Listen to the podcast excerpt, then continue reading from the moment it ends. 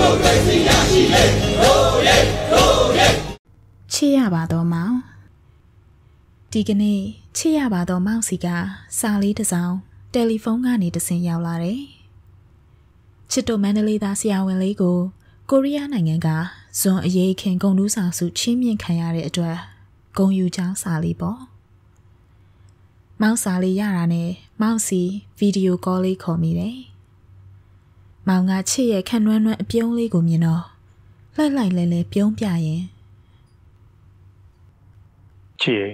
ဂိုယူရာနဲ့ထပ်တူတောင်ကိုရီးယားနိုင်ငံကိုကျေးဇူးတင်ပါကွယ်ဒီဇွန်အရေးခင်ဟာကိုရီးယားနိုင်ငံအတွက်စစ်ကြုံဘဝကလွတ်မြောက်အောင်တော်လန်ဆန့်ကျင်နိုင်ခဲ့တဲ့တမိုင်းဝင်အရေးခင်ပဲကိုရီးယားစစ်အစိုးရကိုចောင်းသားသူကြီးကစတင်တော်လှန်ခဲ့ကြရင်တနင်္ဂနွေလုံးကလူလူတရက်လုံးလမ်းပေါ်ထွက်ပြေးဆန့်ကျင်တော်လှန်နိုင်အောင်ကြိုးပမ်းနိုင်ခဲ့တဲ့ဇွန်30ဟာ အမတ်တရနေတူနေ့ရက်ပဲလေကွယ်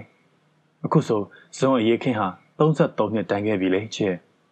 ဒီလိုကိုရီးယားနိုင်ငံရဲ့အရေးပါတဲ့နေ့ရက်အတွက်ဂုံနူးဆောင်စုကိုရတာတိတ်အားသက်စရာကောင်းတာပဲမို့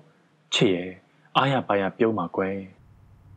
ဟုတ်ပါတယ်ချစ်ကလည်းကို့အပူနဲ့ကိုမိုးပါမောင်ရဲ့တကယ်တော့ချစ်တို့မြမအရေးအတွက်တောင်ကိုရီးယားနိုင်ငံရဲ့အားပေးကူညီမှုဟာအတိုင်းထက်အလွန်ပါပဲဒီနေ့ဆိုမြမပြည်သူတွေအတွက်တောင်ကိုရီးယားက အမေရိကန်ဒေါ်လာ1.3တန်းတာလှူအောင်မရဲမောင်ရဲ့နိုင်ငံအကြီးအကဲတွေလိုကနေ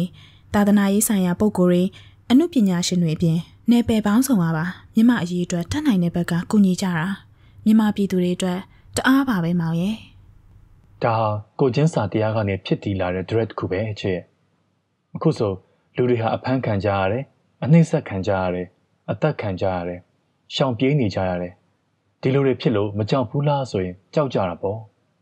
ကြောက်ရွံ့ခြင်းကအမောင်ဘက်ချမ်းစီသွားတဲ့လမ်းပဲတဲ့ကြောက်ရွံ့ခြင်းနဲ့ပဲတည်ရှိနေမှာဆိုရင်မောင်တို့ဟာအမောင်ဆုံးလမ်းကိုရှောင်နေကြရအောင်ပါ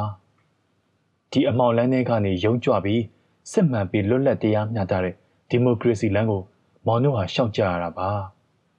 တောင်ကိုရီးယားပြည်သူတွေဟာဒီလမ်းကိုဖောက်ခဲ့ကြရှောက်ခဲ့ကြပြီးပြီအဲ့လိုရှောက်နိုင်ခဲ့ပြီလို့ခုဆိုမိတ်ဆွေကောင်းအနေနဲ့ဒီလမ်းကိုလမ်းပြကူညီနေကြတာပဲ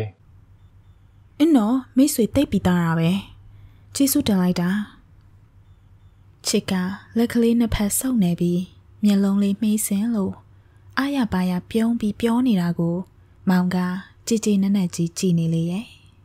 မိတ်ဆွေကောင်းရှိတဲ့သူဟာငြိမ်းချမ်းလွန်ကြုံတယ်အဲ့ဒီမိတ်ဆွေဟာစာနာစိတ်ရှိတဲ့မိတ်ဆွေဆိုမှတော့သူပေးတဲ့မေတ္တာကြွရဟာအမှန်ကန်အလင်းလက်ဆုံးမှုမောင်တို့တိုင်ပွဲဟာခွန်အားရရပြီးအောင်မြင်မှာပါချစ်ရဲ့